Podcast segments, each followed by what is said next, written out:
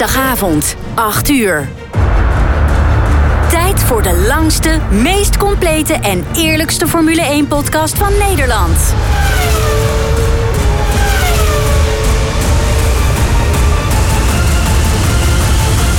Welkom bij de Heren van de Koningsklasse.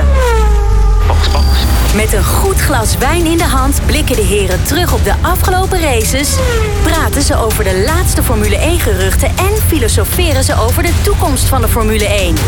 De heren zijn fans tot op het bot.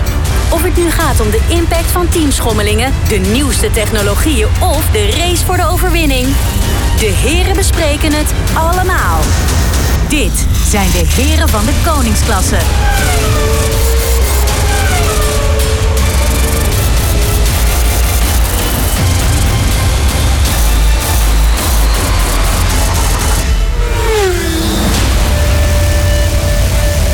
Vier minuten over acht geworden. Het is eh, 21 maart 2023. De dag dat Ayrton Senna vandaag 63 jaar oud zou gaan zijn geworden. En wij zijn er weer met de heren van de koningsklasse. Goedenavond allemaal. Goedenavond luisteraars. Mijn naam is Wijbrand van der Zanden. Aan de andere kant zitten mijn medeheren. Adrie IJzermans, goedenavond. Goedenavond. Hoe heb jij de race eh, beleefd? Wat, vond jou, eh, wat was jouw het, nou ja, spannendste moment afgelopen zondag, Adrie? Het, het zat een beetje aan het einde van de Grand Prix. Ik denk eh, toch eh, de snelste ronde. De snelste ronde. Ja, dat vond ik wel een heel was spannend moment, ja. Dat was inderdaad wel een, eh, een momentje. Ja. Frans de Zwart, Hey, goedenavond. Hoe, eh, hoe heb jij de race beleefd? Wat was jouw spannendste moment? Ehm, nou, het spannendste moment, het, het, het- een bizar moment. En dat zat eigenlijk eh, helemaal na de race. Ah, oké. Nou, daar gaan we het vanavond zeker nog over hebben. Want ik denk dat jij doelt op het eh, voorval met Alonso. Zeker. Zeker. En aan, eh, nou ja, aan jouw eh, linkerkant, voor de luisteraars thuis rechts... ehm, daar eh, hebben we onze grote vriend Edwin Sap. We hoeven niet te vragen eh, aan jou vandaag voor wie je bent. Ehm, nee, echt niet. jij, bent echt, eh, jij ademt Max Verstappen. Volgens Ja. mij noem jij je vrouw stiekem ook Max, of niet? Nee, nee, nee, Oh. een andere bijnaam. Oh, dat- Maar daar gaan we het niet Nee, over hebben. Nee, nee, nee. Hey, eh, wat was jouw ultieme Max-moment dit weekend? Nou, dat was wel eigenlijk het moment dat hij aangaf dat eh, hij wat gillende geluiden hoorde. Zo, wat was het, een 10, 15 ronden voor het einde. Dat ik denk, nee, het zal toch niet gebeuren. Toen, eh, toen kreeg je het een beetje koud. eh. Toen werd ik wel een beetje k- k- klam zweet in mijn handen. Ja, dat kan ik me eens bij voorstellen. Nou, het was, ik wel een, eh, het was ik wel weer een bijzondere race, eh, mag ik eh, wel zeggen. Ja, nou, moet ik eh, nog vertellen wat mijn bijzondere moment Ja, was? ja, Eh, zeker, eh, uiteraard. Oké. Ehm, nou, bij mij was eigenlijk de start. Het, er werd gestart en het eerste wat ik dacht... oh god, daar gaan we weer. Ja. Want Perez verkloten hem weer. Ja. En dat was, ja, het, mijn eerste bocht was het gewoon eigenlijk al gedaan. En ik vond het stiekem ook wel leuk... want ik gunde het Alonso ook wel om als eerste die bocht in te mogen gaan. Maar eh, wauw. Maar wat eh, vond je dan van zijn inhaalactie? Sorry? Zijn inhaalactie. Van Perez. Ja. De inhaalactie van Om Perez. weer op de eerste plek te komen. Ja, ehm, eh, nou ja, wat ik daarvan vond, ik vond dat, eh, dat hij dat al veel eerder had moeten doen. Ik vond dat hij gewoon nooit weg had moeten geven. Ah, nee, ja. serieus. Ik denk, ja, waarom? Hij heeft de ultiem snellere auto. Ja, absoluut. Ehm, dus dat was ook gewoon, dat, dat moest. Ja. Punt. Zo Nou, simpel is het. Ja. Helemaal met je eens. Hey, dit zijn de heren van de Formule 1. ehm, de langste. Nee, van de koningsklasse. Of, of de koningsklasse, oh ja. Dit is 10.000 euro, hè? Pas ja, op. Ja, dat gaat weg. Ehm, ja, nou, de luisteraars weten nu ook direct wat onze eerste naam was. Maar het FOM vond het niet zo leuk. Ehm, of tenminste, wat wij denken dat zij het niet leuk gaan vinden. Laten we het daarop houden.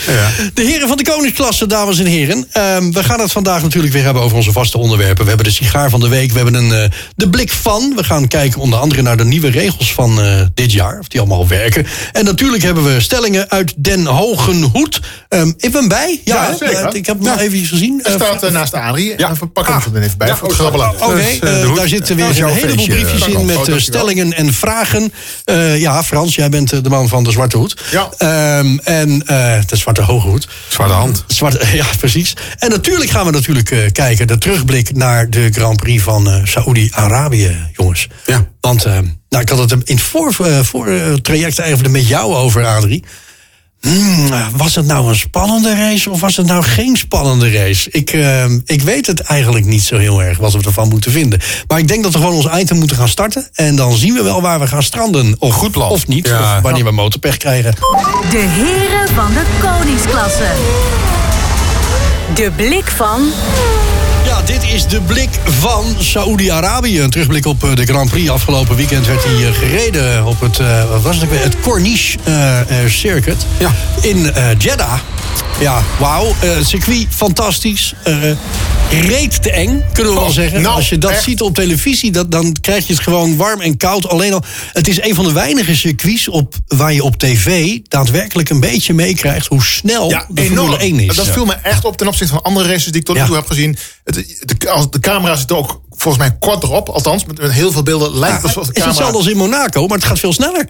Echt niet normaal. Ja, ja. het en dan zie je pas inderdaad hoe, weer hoe snel het gaat. En ehm, ik had het toevallig thuis over. eh, Zeker vandaag. eh, het is de dag, hè, de, de verjaardag van Ayrton Senna. En dan kijk je eens eventjes dingen terug en op welke manier dat gaat. En, en natuurlijk de manier waarop hij in dat gitzwarte weekend eh, destijds op Imola verongelukte. Niet alleen hij, maar ook Ratzenberger. En, eh, Dag ervoor, toch? De dag ervoor. En, en, en Baricello die nog een ongeluk kreeg. En nog een, iemand uit het publiek die een band tegen zijn hoofd aan kreeg. Het was helemaal verschrikkelijk dat hele weekend.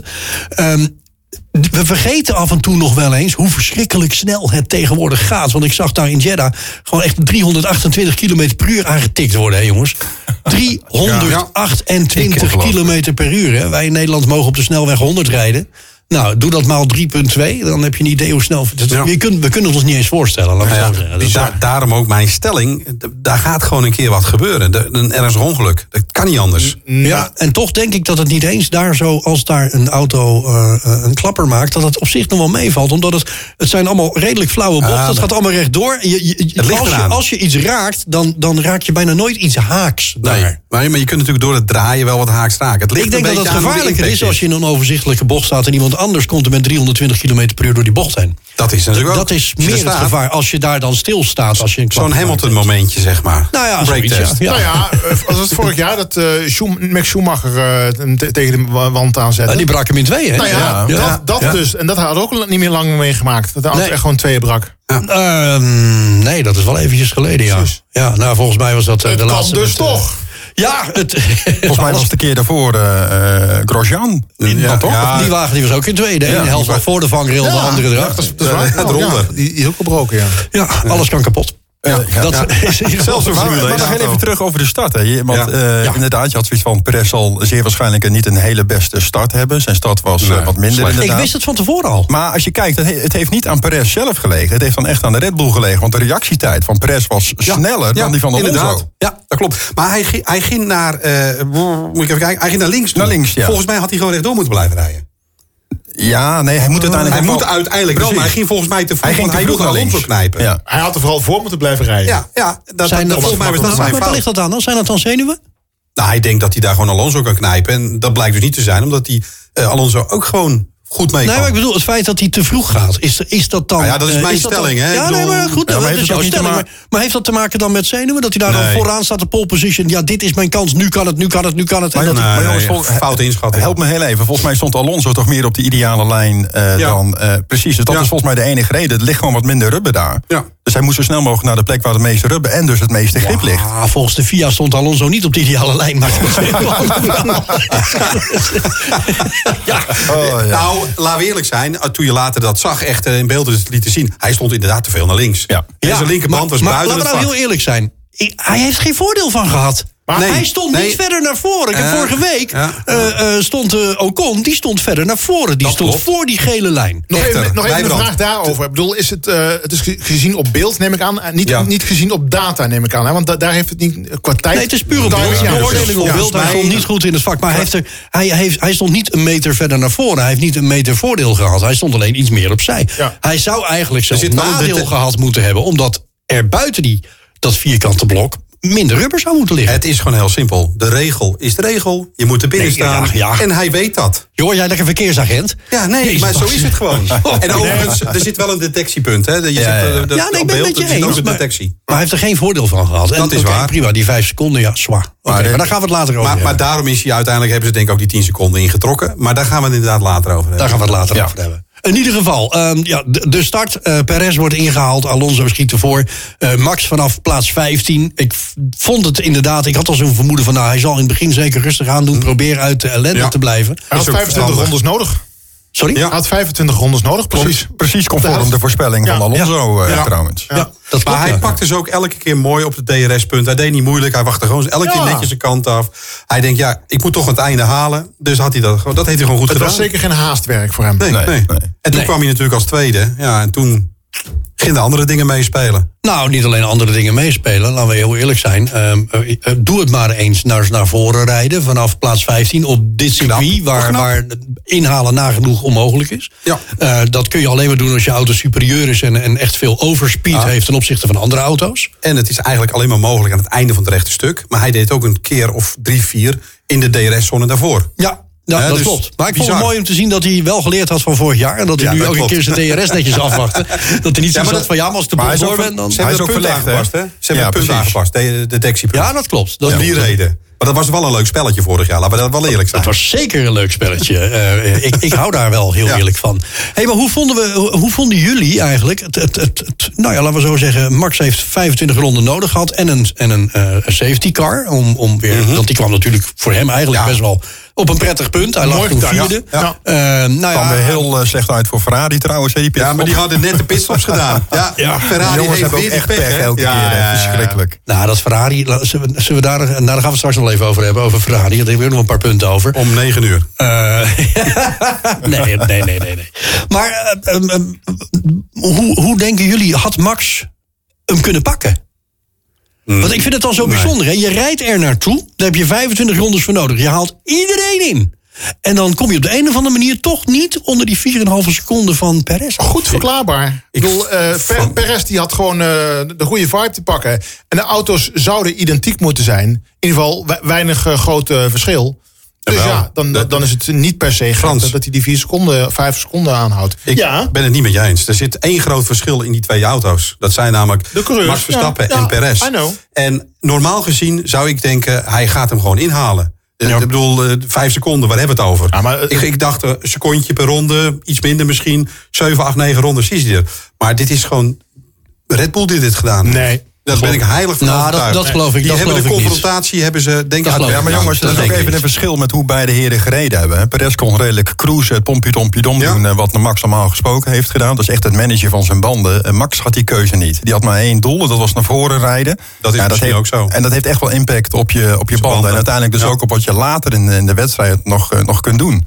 Is, is wel Dus iets ik waar, denk- waar ik denk, ik mee eens Ik kan denk, zijn. ik, denk, ik denk zeker, Frans, dat ze niet gelijkwaardig waren. Want als ze gelijkwaardig waren geweest, had Max nooit verder naar voren gekomen. Max zat er op een, hij zat erachter. Ja. Hij is vanaf 15 naar achter. Ja, Perez ja. gekomen. Nou, wie is er sneller dan? Ja, kom Bijna op. een minuut ingehaald. Zo moet je het maar zien, hè? Ja, Ja, maar goed, niet ten opzichte van Perez. Heeft gewoon de, de rest van het veld heeft hij achter zich kunnen laten. Ja. Maar goed, da- daarmee was hij nog niet. eh, ja, maar er zat op een gegeven moment bijna een minuut tussen. Ja, en hij heeft zich ingehouden, Want, eh, denk want, ik. want, want die zat er zoveel seconden achter. En als het er zoveel seconden zat, die er weer achter. En zoveel seconden zat die erachter. Dat is allemaal stuk gereden. Vind ja, je ook ja, ja, die andere coureurs wel. Maar ten opzichte van Perez. Nee, ofwel de hij andere. 15e reed, Frans. Ja? Toen zat hij een minuut achter Perez op een gegeven moment. Dus hij heeft wel een minuut al ingehaald. Hij heeft 55 seconden heeft hij ingehaald. En toen die laatste vijf seconden lukte het niet meer. Dat is, dat is dan waar ik dan denk van ja, Ja. waarom lukt dat dan niet? Nou, omdat hij zich heeft ingehouden. Er zijn twee dingen, denk ik. In ieder geval de banden. Dus hij kon gewoon minder risico nemen in de bochten. En hij heeft zich ingehouden vanwege het geluid wat hij dacht te Ja, horen. dat- Hij dat denkt, ook. Ja. Oh, Ja, oh, dat moet ik niet nog een keer hebben. en hij heeft alles gewoon bewaard tot de allerlaatste ronde. Want hij denkt ook beter thuisbrengen. exact. Ja, En tweede worden, en dan Als hij gedacht had beter thuisbrengen, had hij nooit die, die snelste ronde nog op die manier gaan, gaan pakken. Nou, ook een beetje vertrouwen hebben, hè? Nou ja, een beetje vertrouwen hebben. En Je legt wel al het Ja. risico in de laatste ronde. Ja. En ik kan me nog herinneren dat ik, ik heb Mika Hakkinen ook nog eens een keertje stuk zien gaan op een Ja, van Spanje oh, in de laatste voor de ronde. meet nog. Eh, eh, allemachtig. Ja. Eh, dus het is best een risico wat hij genomen heeft. Hè? Ja, maar zonder risico nemen word je geen wereldkampioen. Dit ene punt kan aan het einde van het seizoen het verschil maken. Nee, dat is waar. Nee, dat ben ik met je eens. want ik denk inderdaad, eh, daar gaan we het ook nog over hebben. Er is maar één tegenstander dit jaar eh, voor Max Verstappen. En dat is die andere Red Bull, Ja. Perez. Nou, daar was hij niet blij mee dat hij dat punt gepakt heeft trouwens. Hè? Nee, was een eh, beetje Perez was link. eigenlijk, ja. Ja, Perez was link. Dat, dat is ook gek, want dat zou hij ook hebben gedaan. Dus ik, ik snap dat hij het als persoon zelf niet leuk vindt. Ja. Maar je moet ook snappen dat, dat je collega-concurrent dat, dat juist wel wil doen. Ja, maar er zat er ging ook is wel wat mis in de communicatie, vind Ja, ik. ja. Eh, Oh. ja, hij kreeg de opdracht You're free to push. Eh, dat was letterlijk wat Checo Ja. te horen kreeg. Ja. Eh, en Max wist op dat moment niet dat Checo de snelste ronde in handen had. Eh, Checo wist dat wel van zichzelf. En Checo kreeg te horen wat de rondetijden zouden moeten zijn van Max. Hij dacht, ja, ik hoef me geen zorgen te maken om die, om die snelste ronde. Viertiende. Maar toch heeft hij in de laatste ronde een poging gedaan. Maar eigenlijk na een paar bochten kwam Checo er al achter. Dit ga ik niet redden. En toen heeft hij opgegeven. En Max eh, ja, die kwam toen met de snelste ronde ever eh, van, eh, van die dag. Zullen we dat fragment er even bij pakken? Dat Oh, Max ja. eh, Ja, oh, eh, ja, eh, maar ja. vroeg van jongens, wat is de snelste ronde? Waarbij ze tegen hem zeiden van ja, maar daar zijn we helemaal niet mee bezig. Oh, fantastisch. Luister, ze luister mee mee. Eh, Max Verstappen vanuit de cockpit, eh, jongens. Uh, what's the fastest lap? We are not concerned about that at the moment, Max. Yeah, but I am. Hij is geniaal. Oh, heerlijk. Ja, but I am. Ja, eh, hij wel. Het, het- dat, hij, hij zit in die auto. Terwijl hij aan het pushen is en die wagen probeert te managen... en misschien toch wel wat ongerust is over de achterkant van die auto... zit hij toch nog na te denken van... ja, maar wacht even, als ik dat ene punt pak... dan sta ik toch nog nummer één. Alleen maar, het- ik weet zeker dat dat zo is... Alleen maar psychologisch om Ja. Perez te laten voelen... jij hoort achter mij. Ja, maar la, laat eerlijk zijn. Hij zei ook ergens in een interview... ik, kom hier, eh, ik ben hartstikke zagrijnig... want ik kom hier gewoon niet om tweede te worden. Ik kom Ja. hier om te winnen. Absoluut. Nee, nou, een echte precies. winnaarsmentaliteit. Ja. En Ja, volgens, mij, echt, volgens mij is het Of course, I recovered to second, which is good. And of course, in, in general, the whole feeling in the team, everyone is happy. But personally, I'm not happy because I'm not here to be second, especially when you are working very hard also back at the factory to make sure that you arrive here in a, in a good state. And basically, you know, making sure that everything is spot on. Um, and then, yeah, you have, have to do a, a recovery race, which I like. I mean, I don't mind doing it, but it's when you're fighting uh, for a championship, and especially you know when it looks like it's just between two cars, we have to make sure that also the two cars are reliable. Ja, nou precies. Eh, heeft daar helemaal komt het gelijk. neer. hè. Het is eigenlijk een soort celletje wat hij hier doet. Hè. Eigenlijk een soort scène. Eigenlijk zegt hij, het is leuk...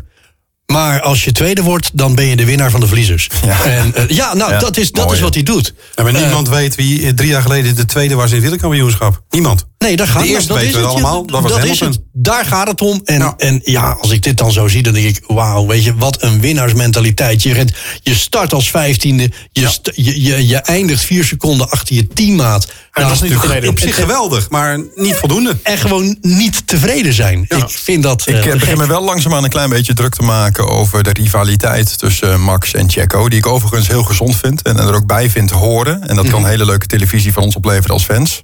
Maar ik merk online ook wel heel veel onrust eh, daarover. En ik merk ook wel dat Max een beetje in het nadeel is vanwege zijn. Hij komt een beetje arrogant over. Wij noemen dat heel zelfverzekerd. We noemen dat heel erg Dutchy, zoals we zijn. Hè?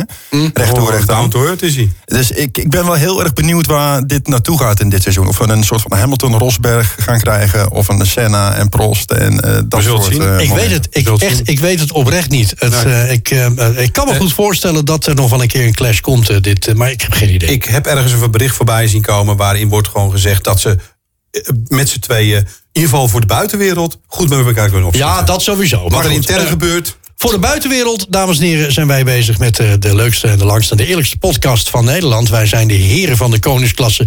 We gaan naar ons volgende item. ja. De heren van de koningsklasse. De sigaar van de week.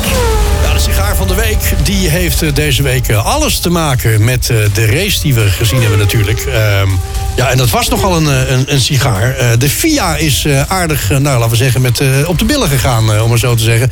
Met eh, Alonso. Het was de dikste sigaar die je maar kunt... Het was echt een Cubaan dit. Nou, het was- het was- Een enorme sigaar. Maar het was ook het stuivertje wisselen. Laten we Ja. eerlijk wezen. Tot- Tot zondagavond 11 uur zou de sigaar wat mij betreft... in ieder geval absoluut naar Alonso zijn gegaan. Ja. Als, als de pechvogel. Ja. Eh, ja, Ja, ja, maar het is weer bijgetrokken. hoor. Ja. Half Hey, twaalf maar eventjes, eh, voordat we hierover gaan beginnen... voor de mensen die het niet Ja. helemaal meegekregen hebben... Vertel. wie van jullie drie gaat ons uitleggen wat er precies gebeurd is? Nou, dat is niet zo moeilijk. Adrie, ja, Ja, ik, ik zie hem al. Oké, eh, nou, zeggen, Adrie, vertel maar, wat, wat, wat is er De man precies van de gebeurd? Waarom verdient de FIA de sigaar van de week? Nou, het heeft vooral te maken eh, met de penalties die ze uitdelen. Eh, En eh, die moeten natuurlijk voldoen aan een aantal regels. En die regels hebben ze zelf opgesteld. Het begon natuurlijk met Alonso bij de startopstelling. waarbij het een en ander niet goed ging. Dan kreeg hij een vijf seconden penalty. Die werd uiteindelijk dan weer niet goed uitgevoerd. Volgens de VIA, in ieder geval volgens de stewards. Daar hadden ze vervolgens nog eens een keer 32 rondes eh, voor nodig om tot zo'n beslissing eh, te komen. Eh, uiteindelijk aan het einde van de race was het zelfs nog zo dat Mercedes dacht van nou, die vijf seconden zijn misschien niet helemaal goed gegaan. Dus het kan zijn dat hij die alsnog moet doen. Dus zorg er in ieder geval voor, dat kreeg eh, Russell als opdracht. Dat je binnen die vijf seconden blijft. Dat was heel opmerkelijk. Ja, niet gelukt trouwens. Nou, ik vind het opmerkelijk dat die kennis blijkbaar op dat moment bij het team van Mercedes voorhanden was. Ja, want nou, dat- niemand dat- sprak hierover. Dat vond ik opmerkelijk. Ja. Dat vond ik heel opmerkelijk. Eh, eh, uiteindelijk kreeg Alonso natuurlijk de tegenovergestelde opdracht. Van nou, we hebben dit gehoord, dus zorg dat jij ieder geval buiten die vijf seconden blijft. Mhm. Nou, uiteindelijk eh, het podium hebben we meegemaakt. We hebben fe- feestteam vieren met z'n drieën. Max, Checo en Fernando. En het was volgens mij nog geen vijf minuten of tien minuten na de eh, podiumceremonie... dat eh, de FIA naar buiten kwam met een statement... eh, dat er een 10 seconden penalty richting Alonso zou gaan. Toen viel ik dus van de bank. Ja, en dat was eigenlijk Toen letterlijk... dacht ik echt van, wat gebeurt hier nou? Ja. Ik sliep al. Ze, laten, ze, laten, ze laten Alonso naar het podium gaan. Ze laten hem champagne spuiten. Ze geven hem een Ja. beker. En ze hebben 35 ronden de tijd gehad om hem deze straf te geven. Ja, en maar dat waar is haal bizar. je het, het godvergeten lef vandaan... om dan 10 minuten na de ceremonie te zeggen... joh, ik krijg toen 10 seconden. Sterker Geef jij, je, geef jij je beker even Het was ook nog een keertje zo'n honderdste podium. Ja, Die dan, dan Nou, door misschien dat dat meegespeeld heeft.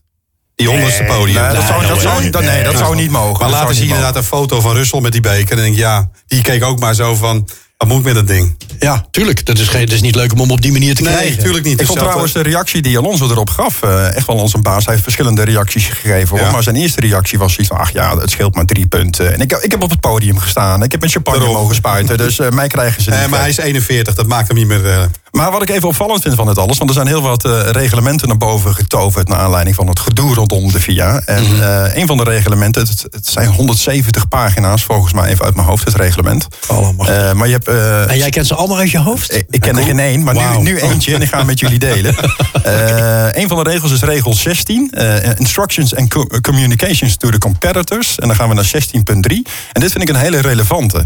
En die eh, lijkt niet van eh, toepassing te zijn geweest op afgelopen, op afgelopen weekend. Ik zal uitleggen waarom ik denk waarom niet. Ik doe maar even in het Engels. Any decision of communication concerning a particular competitor should be given to him within 25 minutes of such decision and receipt must be acknowledged. Oftewel, binnen 25 minuten moet het in ieder geval, nou, in dit geval de coureur, bekend zijn gemaakt.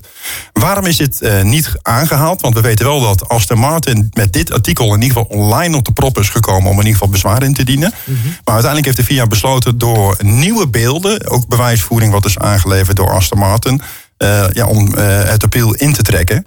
En ja, en dan komen dit soort regels zijn dan eigenlijk niet meer van toepassing, want dan is er nu Ja. geen sprake meer van een eh, penalty. het ging toch over dat, dat, dat krikkie wat eh, te vroeg werd neergezet in die auto? Ja, dat, Ja, nou, die, krik, die krik raakte de auto aan. Dat Ja, het was gaat het. nergens over. Nou ja, nee, maar de, de, de VIA beweerde dat er in het, eh, in het reglement staat dat de auto niet aangeraakt mag worden. Terwijl Dat er in het reglement Dat weet ik staat. toevallig ook. Nee, maar er staat in het reglement: er mag niet aan de auto gewerkt worden.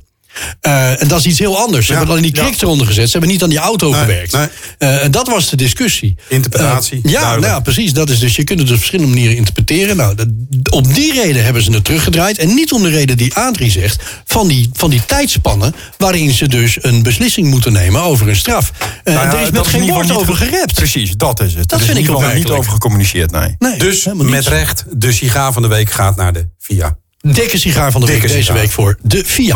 De heren van de koningsklasse. Uit Den Hogen Hoed.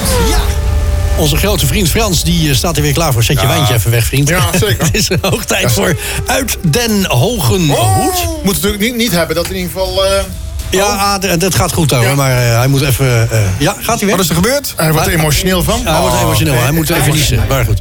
Eh, ehm, uit een hoge hoed. We hebben daar een grote zwarte hoge hoed, eh, dames en heren. Daarin zitten heel veel stellingen, opmerkingen. Als je zelf een opmerking wilt plaatsen in de hoge hoed... dan kan dat hè, via de heren van eh, de koningsklasse.nl... of heren van de koningsklasse.nl met dubbel E. En eh, dan maak je kans op een eh, prachtige miniatuurhelm... van de winnaar van eh, het wereldkampioenschap 2023. Welke dat wordt, nou, dat weten we nog niet. Misschien wordt het Checo wel, wie zal het zeggen. Nou, eh, laten we eh, eens een eh, briefje trekken uit de hoge hoed. Frans, aan jou de eer. Oh, je hebt er al één. Ja, ik heb hem al. Ik heb hem al Roept u maar. Eh, hoe is de naam Formule 1 ontstaan?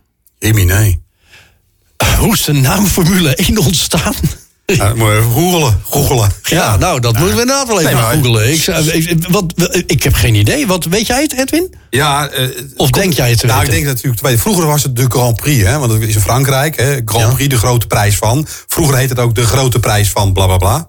Eh, en- Dat is het nog steeds. ja, eigenlijk wel, maar dat wordt bijna niet meer ge- eh, gebezigd. Hè. Het is, Ja. eh, En het is de Heineken 0.0, eh, de prijs van eh, Abu Dhabi. Ehm, en ehm, ja, Het zit letterlijk in de naam, daar heeft het mee te ja, maken. de Formula Libre, vrije formule. Daar komt het vandaan. In 1946 werd de FIA opgericht. Oh. Ik lees het ook maar hoor. Ja, nee, oké, ik vind het heel interessant om te weten. Maar het is gewoon, het is, een kla- het is toch een klas. Je hebt toch Formule 1, Formule 2, Formule 3. Ja. Dat is toch hetzelfde maar- als dat je tourwagens oké. of de DTM. Het heeft te maken met eh, regels die opkwamen in eh, rond de 1907. En toen begon het. En ze hadden toen verschillende klasses. En dat heette de Formula Libra. En dat, de Libra was dan de, de klasse waarin het vrij was om het gewicht van de auto te bepalen. Nee, nee, dat was iets anders. In de, de, de Libra-vrijheid betekent eigenlijk in die periode dat ze nog geen regels hebben. En uiteindelijk is de Formule 1 gekomen met regels. Daar is ook Ja. de FIA uit door ontstaan.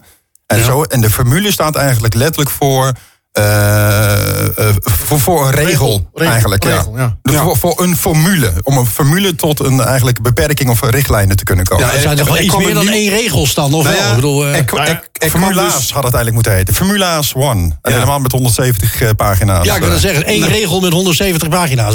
Dat is wel beste. regel. Lange regel. Maar, maar dat zijn dus de formules, zijn de regels. Hè. Na de oorlog is dat begonnen. En eh, ze, ze besloten allerlei keer nieuwe regels, formules toe te voegen. En toen dachten ze, nou, dan moeten we ook de Formule 1, de regel nummer 1 hebben. Zo is het eigenlijk ontstaan. Oké. Ja, ja. Nou ja, eigenlijk is En, het dus en gewoon het is behouden in de loop van de jaren. En nu weten we niet beter dan het de Formule 1 is. Nou, dat is eigenlijk, eigenlijk een hele logische vraag. Want als je erover nadenkt. Ja. Voor ons is die eh, naam heel erg vanzelfsprekend. Ja. Maar Als je erover gaat nadenken. Formule, Formule 1. Wat maakt dat dat, dat is waar wij Ja. naar kijken met Formula allen? One, ja. Als ik ja, aan formules ja, denk, is- moet ik, eh, denk ik aan wiskunde. Dan denk ik, fuck, daar Ik was denk, ik gewoon in die, ik denk gewoon in die cijfertjes. Je hebt 1, 2, 3 en Formule 3. Dat is dan hè, dat is het- hetzelfde Ja. als, de, als met voetbal. De, de, de, de eredivisie, de Ja. eerste divisie Ja. en, eh, en de Ja, dat- tweede Dat is er uiteindelijk aan on- ontstaan. Nu. Nou ja, ja, denk je dat dat van de, van de Formule 1 afkomt? ik vind dat ik wel een mooie Ja. gedachtegang, moet ik zeggen. En de Formule 1 is natuurlijk de koningsklasse. Precies. de koningsklasse. Ja. Dus, En eh, in ieder geval komt een rechtstuk. Nou, we gaan even naar de reclame en dan zijn we zo bij jullie. Geweldig. Tot zo. Samen zijn ze goed voor tientallen jaren Formule 1-kennis. Dit zijn de heren van de koningsklasse. Nog meer heren van de koningsklasse vind je op herenvandekoningsklasse.nl. Wel met dubbel E uiteraard. Dit zijn de heren van de Koningsklasse voor 21 maart 2023. De leukste, langste en eerlijkste Formule 1 podcast van Nederland. Eh, tegenover mij zitten mijn eh, medeheren Adrie IJzermans, Frans de Zwart en Edwin Sap. Mannen, ja, we hebben het eh, uitgebreid over Saoedi-Arabië gehad, kunnen we wel zeggen. Eh, meer dan uitgebreid. En ook over het ontstaan van de naam Formule 1. Ik ben nu al vergeten, maar ik vond het super interessant. voor, Kan mij je, is het kan je gewoon, het briefje nog een keer geven? voor mij is het gewoon de koningsklasse van de autoracerij. Ja. Punt. Ja, Ehm, grote prijs van. Precies, we gaan het hebben over hele andere dingen. De heren van de koningsklasse. De blik van We gaan het hebben over de blik op de nieuwe regels van 2023. En de vraag daarbij is, hebben ze effect? En ik eh, had van de week, ik zag hem in het draaiboek voorbij komen... waarop ik inderdaad eigenlijk gelijk bij mezelf dacht van... poeh, is dat nou al wel verstandig om dit item in, eh, na de tweede race al te gaan bespreken? Van hebben ze effect, ja of nee? Is, eh, is dat niet wat voorbarig? Adrie, jij was het daar niet helemaal mee eens? Nee. Nou, Nee, vertel, niet. zou ik zeggen, brand los. Ja, nee, ik ben het daar. nou, luister, ik vind het sowieso een onderwerp wat heel erg interessant is. Ik denk dat we het in de podcast. We hebben het aangeraakt, maar we zijn er nog niet heel erg diep op ingegaan. Wat zijn nou die, die nieuwe regels precies? Wat omhelzen ze? Waar komen ze vandaan? En welk doel hebben ze daarmee voor ogen? Mhm. Eh, en ik denk dat er wel een aantal regels zijn waarbij we direct kunnen zien dat het eh, daadwerkelijk heeft geholpen. Vertel. Nou, het stuiteren. Om, om maar iets te noemen. hè. Er mag niet meer gestuiterd worden. Dat was een van de eh, regels? Nou, het mag wel, maar het is gewoon niet zo veilig. En het is ook niet zo goed voor de mensen die in die auto zitten. Eh, los van het feit dat ik het vorig jaar best vermakelijk vond om te zien af en toe. Dat Ja, je dacht, ervan genoten toen je, toen je Hamilton helemaal Vooral uit de Hamilton. auto Ja, ja, komen. ja. Ja, ja, dat vond je leuk. Ja, nou ja, ja, stiekem is, vind ik dat toch wel leuk. Eh, maar aan de andere kant, het is, ja, dat heeft ook wel een beetje veiligheid... waar we met z'n allen mee bezig zijn. En daar zorgt dat stuiter zeker niet voor. Los van het feit dat het natuurlijk ook wat doet met de wegligging van zo'n auto.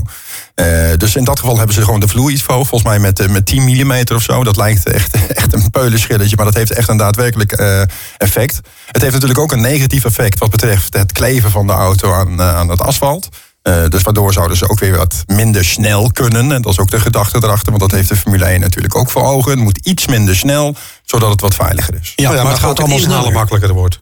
Ja, dat was ja, zeker ook iets wat moest. Ja, het, nou, het, ligt, Spanning. het ligt eraan waar je gaat inhalen. Want, Ja, eh, dat wel, maar- De Eh, downforce is daardoor, daardoor iets minder. Ja, maar Eh, het, het ging er ook over omdat ze te, te ver eigenlijk achter de voorganger moesten blijven. Of vanwege dat die, die windturbeling achter de auto allemaal zo apart ging. Ja, is dat, is naar aanleiding, ja, is dat naar aanleiding van de nieuwe regels 2023? Want dat is volgens mij Ja, gewoon... dat is voor vorig jaar, eh, voor vorig seizoen is dat het, het, het doel geweest... om die nieuwe auto te ontwerpen... zodat de wagens dichter achter elkaar kunnen rijden. Dat En hebben we vorig seizoen duidelijk gezien. Dat Ja, dat gaat heel goed. Maar negatief effect van het hele verhaal was natuurlijk dat stuiteren van de auto's. Ja. En daar hebben ze nu wat aan gedaan. En dat vind ik dat je de, ben het met Adrie eens. De afgelopen twee races heb je kunnen zien dat het stuiteren eigenlijk niet meer voorkomt. Nee, en wel een stuk minder inderdaad. Ja. Nou ja, je hoort ze in ieder geval niet over. En ik vind dat je het ook niet echt kunt zien. Nee, niet Misschien meer. als je goed oplet, maar Nou, bij sommige auto's inderdaad, vorig jaar kon je het ook zo mooi horen. Ja, hè? Dat, het echt, dat geluid ook eh, van dat van de. Mercedes, Ja, de. Ferrari, het was heel duidelijk. En, en de rijders gebruiken nu ook Q-Dent. dat scheelt ook natuurlijk. Ja, dat scheelde ook. Maar ja, moet je, eh, het is dus wel ge- van 25 mm naar nu eh, tussen de 8 en de 12 mm gegaan. Dus gewoon de helft minder. Ja, dat is wel heel veel, ja. Dat is best veel. Ja, precies. Er was ook iets met de voor- en de achtervleugel, nieuwe regels daarover, Adrie? Ja. er zijn wat maatregelen genomen om eh, eh, die, die endplate en, en de flappen. eh, ja, daar hebben ze iets mee, geda- mee gedaan. Ik weet dan eerlijk gezegd niet precies wat. Mhm. Maar wat ik veel fascinerender vond en vooral vind, helemaal toen ik me erin ging verdiepen, is met name dat gedoe rondom de brandstof. Ja. Ik vond het wel heel apart om dat te horen. Nou, dat nee, maar moet je, je moet er eens over gaan nadenken waar wij het dan over hebben. Wij kijken naar een aantal auto's die een aantal rondjes aan het racen zijn. En ik bagatelliseer het nu een beetje. Maar dat men dus achter de schermen op zo'n fijnmazig, gedetailleerd niveau bezig is. eh, om eh, performance te verbeteren, et cetera. Ik, eh, gewoon een heel klein stukje. Hè. Dan mogen jullie, ik heb dit stukje drie keer moeten lezen. En nog dacht ik van, hè, wat bedoelen ze hier nu echt? En waar zit dan die relatie met performance? Let op.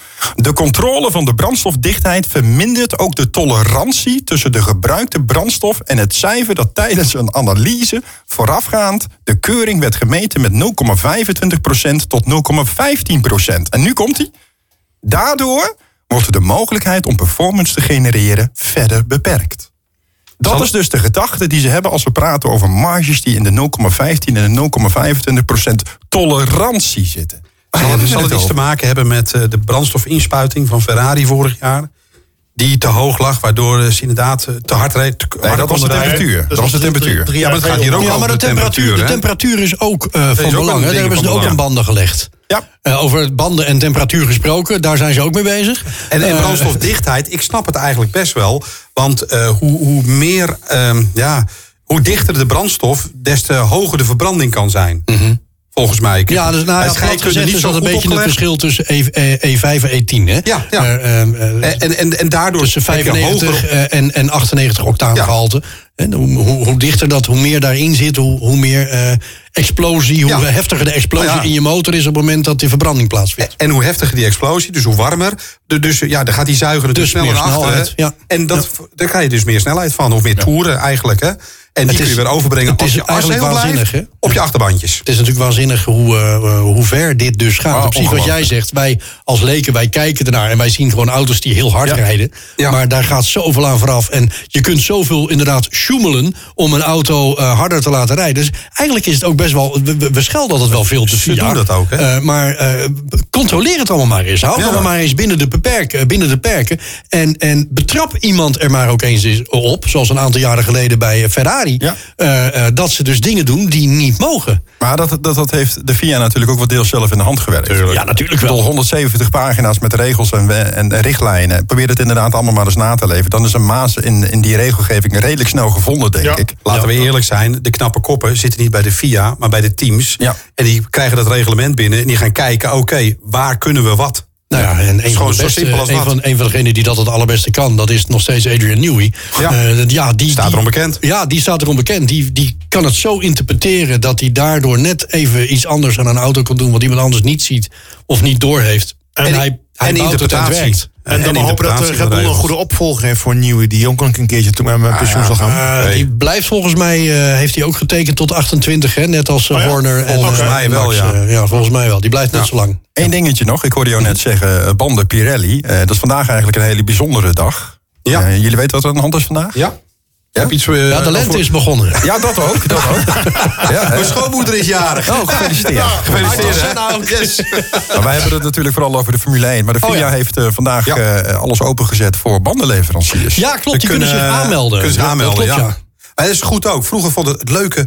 Het leuke vroeger was natuurlijk dat je, eh, eh, je had Pirelli en je had, eh, hoe heet het, die andere, Michelin. Mhm. En teams hadden het of een contract met de een of contract met de ander. Dat was ook nog een Nee, spel dat wat was met meespeelde. eh, Bridgestone. Bridgestone. of Bridgestone. Ja. Ja. Ja. Ja. Dat- was ook een leuk spel. Nu hebben ze allemaal dezelfde banden. En toen hadden ze ook nog banden met vier groeven erin. Hè? Kun je dat nog herinneren? Ja. Dat dat Ja, opeens, maar, maar opeens weet je wat is? Mag ik jullie even helpen herinneren? Volgens mij was het de Grand Prix van Amerika. Dat was toen het nadeel met het banden. Toen, toen begonnen er maar zes auto's aan de start. Kunnen jullie dat nog herinneren? Ja, Ja. dat was Ja. op, eh, op Indianapolis. Was Ja, dat. was Indianapolis. met de Ja. banden. Wat, wat was nou precies het gezeik? Want dat, eh, Nou, dat was stond, ook die Schumacher in op een gegeven moment in zijn eentje? Nee, dat, nee, Nee, dat was, zes- zes dat- auto's. Zes auto's. Na de opwarmronde reed het hele veld zo de pits weer in daar.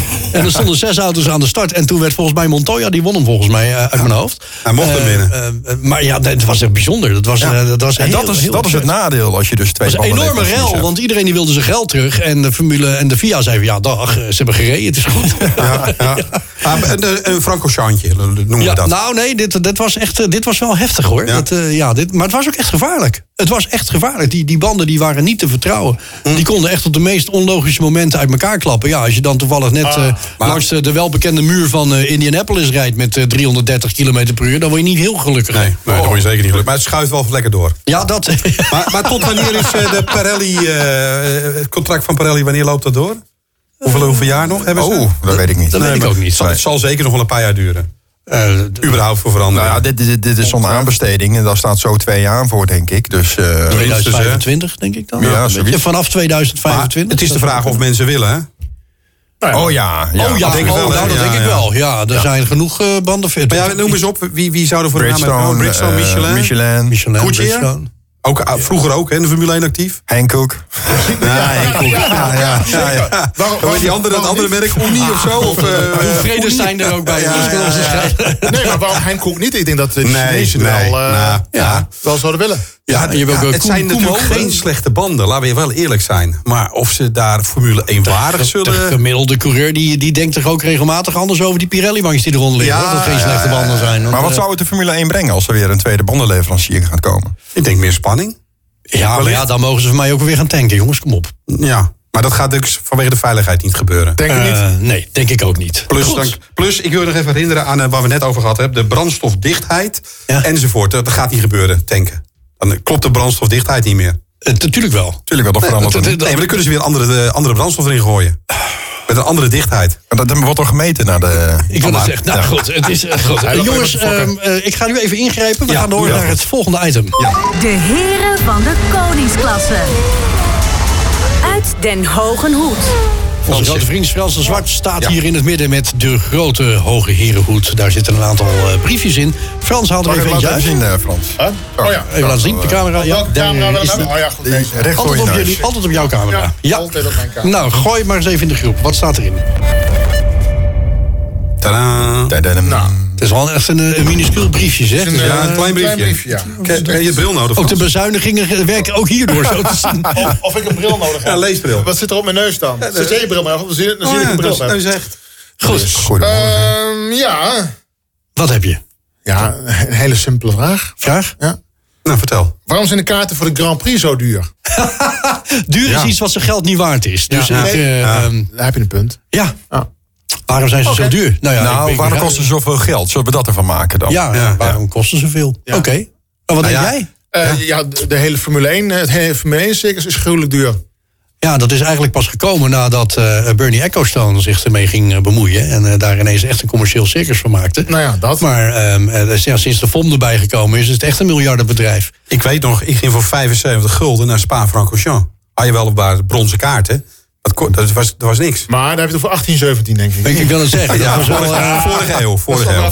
Vorige ja. eeuw. Gulden zei ik, hè? Gulden. ja, nou, maar dat zou nu dus 75 eh, eh, euro Ja, zijn. de, de goedkoopste kaart op Zandvoort is ook geloof ik echt van een paar tientjes. Dan is het weliswaar alleen maar de vrijdag natuurlijk. Nee, je moet even, het gaat even om de zondag. Die Ja, moet je even als, uiteraard. eh, Ja, ja, weet je, het is, eh, eh, waarom is het te duur? Nou, volgens mij is het gewoon heel simpel. Eén, eh Ecclestone heeft er natuurlijk een geldcircus van gemaakt. Sowieso. Eh, de FOM en de FIA doen daar eh, natuurlijk eh, klakkeloos aan mee. Eh, de heren die rondrijden hebben ook een salaris. Eh, er gaat ontzettend veel geld in om. Maar wat om zo'n race te organiseren. Ja. Eh, om het binnen te halen moet je al tig mil- miljoenen betalen aan de organisatie. Ja. Dat je het mag organiseren. Ja. Nou, als je dan naar Zandvoort kijkt, het is voor ons misschien heel makkelijk. Tribunes. Eh, de hele stad is afgesloten. Ja, dat niet alleen. dorp. Van iedere entreekaart moeten ze ook nog Ja. eens aan de FOM afdragen. Ja, dat is Zo een vast is bedrag wat, eh, wat, dat is een eh, vast bedrag wat er per entreekaart nog eens vanaf gaat. En van hetgeen wat er dan overblijft, daarvan moet Zandvoort het hele... Alles betalen, het, het hele evenement betalen. En ook nog eens de investering terug proberen te krijgen. die ze betaald hebben, überhaupt aan de FOM. Om ervoor te zorgen dat dat hele circus überhaupt naar dat circuit Ja. toe komt. Ja. Van nou, we gaan hier dan even anderhalf uur lang rondjes rijden. Ja. Want dat is En- eigenlijk hetgeen wat er gebeurt. En laten we eerlijk zijn, eh, al twee eh, wedstrijden eh, en eigenlijk aankomend het jaar weer al drie wedstrijden. Het is uitverkocht. Ho- Hoe duur het is, maakt niet uit. Het is uitverkocht. Ja. Dus mensen zijn ook bereid om die 500, 600 euro voor een weekendkaart te betalen als je op de tribune zit. Ja. Ja. En, en natuurlijk vinden we het duur. Maar iedereen denkt, maar, nou, ach ja. maar dat is dus wat ik net zei. Duur is iets wat zijn geld niet waard is. Nee. En heel eerlijk, ik vind het ook veel geld. Als ik, eh, ik ben verschillende keren bij de Formule 1 geweest, net als jij, Adrie. En iedere keer wilde ik dan toch een betere plek hebben. Totdat ik op een gegeven moment op het rechte stuk zit tegenover de pits. Nou, dan betaal je echt uh, gooibare maandsalaris tegen de muur. Ja. Eh, en Verdien je dan weinig, dat doet, dat doet, Ja, ik ben echt arme, arme presentator. maar eh, dat, dat, dan zit je daar. Ja. En dan komen die eerste auto's voorbij. Het is net als bevallen, weet je wel. Ja, is de pijn is oh. geleden. Dat is, maakt Ja. niet uit. Zodra, dat hoor je van iedere vrouw. is- Zodra de kind eruit is, ben je al die pijn vergeten. Nou, Ik- ik- dat zodra die eerste auto voorbij komt, is die pijn in mijn portemonnee is weg. Want dat, daar gaat het om. Oh, ik zal je eerlijk vertellen, ik heb al kaartjes voor 24 en 25 in Zandvoort. Het is al betaald. Ik ben het alweer vergeten. Nou, ik nog niet. Ik heb even dat voorbij zien komen in de app. Jezus, nou man, man, man. Ja, maar En waren zitten voor- janken toen. Nee, helemaal niet. Ik heb het gewoon overgemaakt. Zonder, zonder blik op blozen. En, en mijn broertje zei, dat is wel een hoop geld. Ik, ik zeg, man, lul niet. Lul niet. Ik ga naar de Formule 1. Wat ik, eh, ik wil toch nog even inhaken op het eh, prijsje voor een kaartje. Wat ik wel opvallend vind. Ik, ik heb het jullie van de week gestuurd. Hè. Ik werd eh, via via benaderd Ja. door een organisatie die Via, regelt. via? Ja, oké. Ja, ja, die de, or- de organisatie is voor het regelen van, Ja. van de vrijwilligers. Ja. En de, de, de naam zegt het al, hè? er lopen zoveel vrijwilligers rond veel. gedurende dat hele weekend. Ja. Eh, ik, ik, ik, ja, volgens mij, eh, alleen het team waar ik dan over praat, eh, praat je al over 60 tot, eh, tot 90 personen. En dat is alleen voor de ticketing. Mm. Oftewel, die staan bij de tribunes om te co- controleren of jij het juiste ticket op, met, op de juiste plek gaat zitten. Ik- ik- ik heb- Moet je nagaan als die mensen eigenlijk ook nog betaald hadden moeten worden. Wat ik eigenlijk heel logisch zou vinden. Want het is een heel erg commercieel eh, eh, ja, event waar ontzettend veel geld in omgaat. En eigenlijk, als ik het heel eerlijk vind, vind ik het een beetje schofterig dat het eh, draait op vrijwillig. Ja, maar Ja, weet je maar- maar hoeveel, ik kan weet je hoeveel vrijwilligers er bij de Zwarte Cross werken? Ja. Ja, ik kan er idem, wat, idem. Hetzelfde. Ik kan er wat aan toevoegen. Anders kunnen dat soort evenementen niet bestaan. Sorry. Ik kan er wat aan toevoegen, want ik heb Disagree. vrijwilligers daar gesproken over dit feit. Mhm. Toen ik daar was, eh, vorig jaar en het jaar daarvoor. Eh, ze doen het namelijk ontzettend graag. Want ze zijn voor niks bij het evenement. Ze mogen ook gewoon. eh, die vrijwilligers die zie je tijdens de race niet meer staan. Hè? Die zitten allemaal op de tribune te kijken. Ja, maar dat Dat mag. Ze mogen naar de race gaan kijken. Maar ze vinden het gewoon helemaal geweldig. Ja, het is wel een beetje afhankelijk van de taak die je hebt. Maar als je bij ticketing staat, mag je Ja. inderdaad het, het tribune op om te kijken. En eh, na de eerste race werd ook, op, of net ervoor, dat weet ik niet meer. Maar ook op een gegeven moment kwam het naar buiten. Als de- al die vrijwilligers dit niet zouden doen, dan konden we de race ook niet organiseren. Want Nou, er inderdaad, blijft- salaris dat. Ja, dat hebben ze gezegd. Er blijft genoeg aan de strijkstok hangen. Helemaal begint in Amerika. Ja, in Amerika. Maar ik bedoel, de, de, Grand, de Dutch Grand Prix Nee, zelf. vanuit de Nou. Nederlandse gedachte begrijp ik hem. Absoluut. Maar ik denk dat de afdracht, de fee die in Ja, dit geval is veel te eh, hoog. eh, Zandvoort moet afdragen aan, aan de VIA, of oh, sorry, aan de, aan de FOM. Zandvoort houdt er genoeg aan over. Ik bedoel, Jan Lammers heeft er ook iedere wel. keer naar de Grand Prix in Nederland een nieuwe auto. Dus het zal best wel meevallen. Eh, Dat is ook waar. Laten we heel eerlijk zijn. Ze zullen er echt wel genoeg aan verdienen, Adrie. Want anders dan ga je... Daar twijfel ik ook niet aan. Ik wil het zeggen, anders Nee, ga je daar die twijfel ik risico's dus niet aan. Het gaat mij om dat de vrijwilligers er moeten ervoor nodig zijn, blijkbaar, om dit soort evenementen door te Er wordt goed voor ze verzorgd. Dat is waar, ja. Je krijgt eten en drinken. En ze doen het graag. Ik bedoel, het is, ze, ze doen het zelf en ze geven zichzelf op. Ja, nee, dat klopt. ik Het is- snap heb het ook maar, wel. Het is een goed idee, dan Het kan is dat ik misschien- geen tijd heb, maar anders dan had ik het ook Nou, gedaan. En dan had ik naast dus- jou komen staan. Dan Nee. nou, dan zit je dan met je dure kaarten, vriend. Nee, nee. De heren van de koningsklasse. De blik van even vooruit blikken Ja. naar de volgende race. Eh, de Grand Prix van Australië. Eh, Edwin, jij zei het al. eh, Ja. Volgende week zondag, niet aanstaande zondag, maar volgende week zondag. Dan moeten we vroeg ons bed uit. Zeven uur. Oh, nou dat valt wel mee. Ik kan me nog herinneren dat ik vroeger Nou, altijd de Grand. Prix... Ah, vijf voor zeven dan. Ja. Ik kan me herinneren dat ik... Nee, om zeven uur begint de opwarmronde. Ja. Maar ik kan me herinneren dat ik vroeger al... de eerste race was dat altijd. De eerste race van het nieuwe seizoen was Australië. En dan zat ik echt om drie uur op de bank.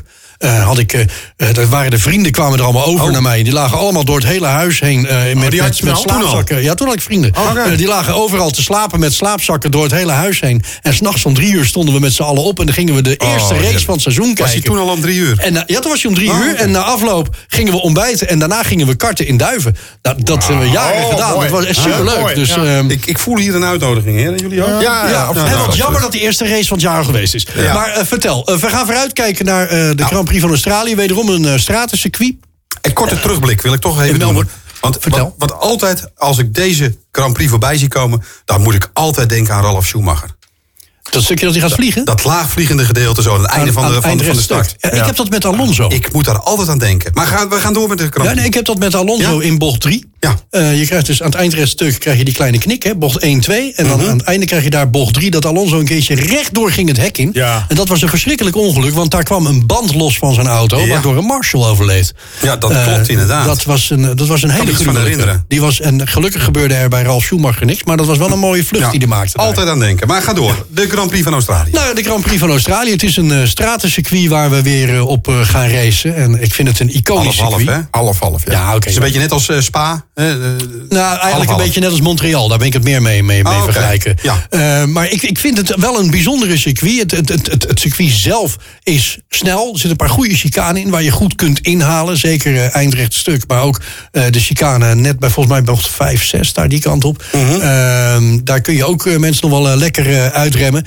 En natuurlijk die, die hele lastige bocht net voor het rechte stuk. Waar je Ja, die of de pits in kunt. Ja. Ja. Of net iets te wijd uitkomt, zet je hem in de muur. Maar je moet hem daar perfect je apex rapen, raken. Wil je aan het eind van het rechtstuk de, da- de daadwerkelijke hoeveelheid snelheid weer kunnen meenemen. Eh, want anders ben je gewoon het bokje. Hè? Dan, Ja. eh, dan ga je er gewoon aan. Ja. Hoe, eh, hoe zien jullie het? Wat gaat er gebeuren de volgende race? Gaat Alonso hem winnen, Adrie? Nee, nee. Nou. Eh, ik, ik denk dat het deze tweede race eh, wel tekenend is geweest voor misschien iets meer in het jaar. Dat we iets verder in het jaar vooruit ku- kunnen kijken. Mm. Oftewel, eh, de Aston Martin heeft een fantastische auto gebouwd. Het zou zomaar dus het tweede team kunnen worden. Hoewel ze nu volgens mij... Zou ook zomaar staan ze nu wel weer tweede of nu Tweede. derde? Nee, tweede. Toch weer tweede, hè? Ja. Nee, maar ik denk niet dat Alonso gaat, gaat winnen. Nee. Oké. Nee, het wordt wel weer een Red Bull. Ik ben wel er zeker van dat er weer een winnaar is.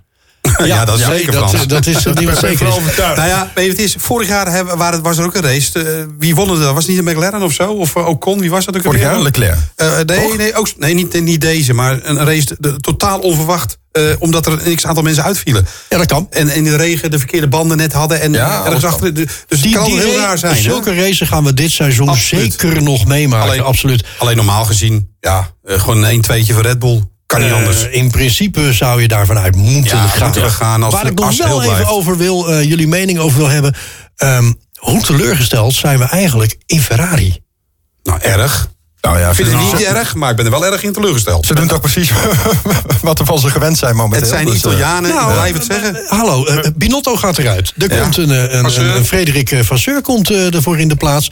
Ehm eh, eh, Hoop Poeha. En kijk eens wat ze die eerste twee races gedaan Ja, hebben. maar en waar staan ze? Kom op jongens. Ja, maar dit, zijn, dit, is nog Leclerc de, heeft zes punten. dit is nog de nalatenschap van Binotto. Dat Ja. kan Vasseur natuurlijk nooit... En er zijn een ja. x-aantal mensen vertrokken nog de laatste paar weken. Ja. Hè, die de, of nou weggejaagd Ja, maar ze zijn toch gewoon niet zijn. snel genoeg, jongens. Kom op, Nee. dat heeft helemaal niets met Binotto te maken. Die wagen is Ferrari- te langzaam. Hij gaat zo langzaam als een trekschuit. Kom op, joh. Ferrari onwaardig. Sainz die is Enzo normaal, eh, draait zich om in zijn graf. Maar, Sorry, wat zei je?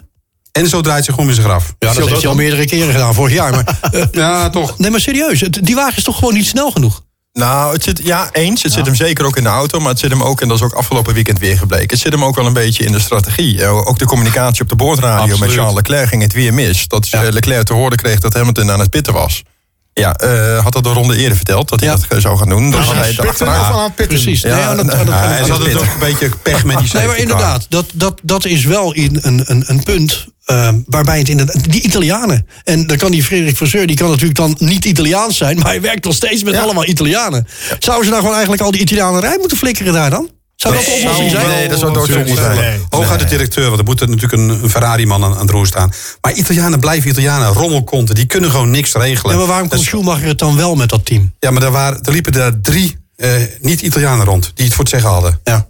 En dat Ross, scheelt. Ross Brown en Jean Todt Jean en Todt, Schumacher. Ja. Nee, maar goed, dan hebben we eh, over nog een team. Hoe- McLaren, hoe kan dat nou? Dat die helemaal... eh, Bizar. Ja. Als je, als je Drive to Echt. Survive kijkt, dan denk je, die, die gaan meedoen. Ja. Die gaan meedoen. Piastri doet nog beter dan eh, Norris. Ja. Nou, ik, ik, ik denk Norris, die, die, die, die zit volgens mij de hele week al ergens in een hoekje te huilen. Dat kan niet anders. Maar Piastri heeft gewoon de hele race bijna met zijnzelfde bandenset Ja. gereden. Een hele Ja, en- race. En, na de eerste ronde gewisseld en de rest eh, op, Ja. op één band. Ja, maar goed, nu heel hebben we het weer over afgelopen weekend. Volgens mij moeten we even het is vooruitkijken. wel even wat het is. Ja, die heeft het, die heeft het uitstekend gedaan. Nee, nou, maar goed, nou, maar goed, we wilden vooruitkijken. Dat gaan we natuurlijk volgende week zeer uitgebreid doen. Eh, nu is het meer een beetje koffiedik kijken nog Ja. van nou, hoe, hoe en wat. Nou, waar, waar ik wel nieuws- nieuwsgierig naar ben. In 2021 zijn er wat wijzigingen doorgevoerd op, eh, op het circuit volgens mij. Of een jaar eerder. Eh, nou ja, eerder werd er niet gereden. Dus, Ja, Ja, nee, er- zijn wat wijzigingen doorgevoerd. Eh, daarvan hebben we het resultaat nog niet echt kunnen zien. Vorig jaar werd er volgens mij voor- de eerste keer geraced eh, Ja. in Australië. Ja. Eh, toen hebben ze die meting niet gedaan, dus wellicht dat ze dat dit jaar wel. Maar ik ben wel benieuwd of dat ook daadwerkelijk effect gaat hebben... in combinatie met die nieuwe regels. Want We zou het inhalen moeten bevorderen... Ja. en de snelheid iets naar beneden moeten halen. Nou, vooral dat eerste, het inhalen, ja, dat wil ik wel... eh, ja, dat wil ik heel graag zien in Australië. Nou ja, we willen überhaupt elke race inhalen zien. En, Ja. en, en het liefst dan in het hele veld. En niet alleen maar ah, in het middenveld, maar ook vooraan. Nou, ik ken, ik het ken er eentje die dat niet met je eens is. Nee, die zijn namens Max Max Verstappen. Verstappen. Ja, en die heeft zoiets van, nou joh, laat mij maar gewoon lekker vanaf eh eh, pole position eh, beginnen. Ja. Als Max nou afgelopen week niet dat probleem had gehad in de, eh, in de kwalificatie. Ja. Had hij dan gewoon zijn pole gepakt? Absoluut. Of had Perez ervoor gestaan? Nee. Ja, nou ja, Nee. misschien wel, misschien niet. Maar had de race wel Nee, gewonnen. kom op, heb je gekeken naar het hele weekend? Ja, hij had de pal gepakt. Ja, oké. Hij was continu... eh, snelste. eh, eh, En als Perez hem dan waarschijnlijk wel ervoor had gestaan... had hij waarschijnlijk bij zijn start had hij het verkloot. Dus Ja. En, Dat en, Max is wel in staat om weg te rijden, wat Alonso niet kan. nou ja, dat, nou, dat, Ma- Max heeft ook wel eens problemen met de start, vind ik. hoor. Ja, ik vind dat Max Ja, hij heeft af en toe, poep, Nee. af en toe poepsparten. Ja, dat Ja, komt niet van zijn plek. ik wil het Ja. zeggen. Daar, is, hij wel onbekend, zeggen. moet ik zeggen hoor. Helaas eh, toch wel nou, twee, drie keer per seizoen. Maar ik denk oprecht dat het wachten is op het, tot het moment. eh, het is niet, de- net zoals we voorheen al sinds 2016 gezegd hebben. Het is niet de vraag. Wordt Max Verstappen wereldkampioen? Het is Wanneer? de vraag wanneer wordt hij het? En ik denk dat het dit seizoen niet de vraag is. Gaat Alonso een race winnen? Nee, wanneer gaat hij Ja, ik race hoop het. Ja, dat Ik- is, eh, verdient hij. Ik vind Ja. het fantastisch. Ja. Ik vind het mooi voor de sport. Ja, nummer 1 en 2, het, het ligt natuurlijk ontzettend vast. Eh, van de week weer berichten ook van Mercedes. Die eh, eh, eh, zowel een Toto Wolff als een eh, Hamilton. Hamilton die zegt ook gewoon: Ik heb nog nooit zo'n snelle auto gezien. Die wagen is sneller Het dan. leek wel Formule dan- 2, zei die, wat ik ja, zei. ja, Ja, ja, dat is ongelooflijk. Het- het-. En ik denk van: Oké, zijn ze ons nou zand in de ogen aan het strooien? Of is die Red Bull nu echt zo fantastisch? Er komen updates Het aan, jongens. hè? fantastisch. Dit is niet anders. Voor Red Bull? Ja, nee, voor Mercedes. Ja, er komen oh, een aantal, eh, een best ik een hoop- grote... ik hoop dat ze bij werken. Silverstone. Nou, volgens mij Azerbeidzjan de eerste, maar dat weet ik niet 100% zeker. Maar er komt echt wel een grote update aan. Ja. Het lijkt dat Russell daar best wel wat vertrouwen in heeft. Mhm. Nou, we weten natuurlijk dat eh, Red Bull aardig eh, gekaderd is voor dit jaar. Dus daar hoeven we niet heel Nee. veel van te verwachten. Maar goed, de voorsprong die ze nu al lijken te hebben... lijkt mij bijna wel voldoende te zijn tot het einde van En dit toch seizoen. hoop Ja. ik dat zowel Ferrari als eh, Aston Martin als Mercedes toch nog iets vinden. Dat ze toch dichterbij komen. Het mag net even iets spannender. En als eind wint dan Max. Nou, Eén ding weten we zeker. Hij wordt niet meer in Zandvoort wereldkampioen. Want dan had hij vorige weekend moeten winnen. Ehm, nee, het kan nog- steeds? Kan nog hangt steeds, steeds. Het hangt er natuurlijk ook een beetje vanaf wat de personen achter hem doen. Ja, uiteraard. Als hij het gat weet te vergroten, dan kan het in theorie nog steeds. Ja, kijk, ik bedoel, Leclerc heeft pas zes punten. Nou, laat die nou even een raceje winnen en Perez uitvallen. Dan Ja, komt het allemaal ja, goed. ja, ja. Dames en heren, dit Dat was hem. De podcast voor deze week van de heren van de koningsklasse.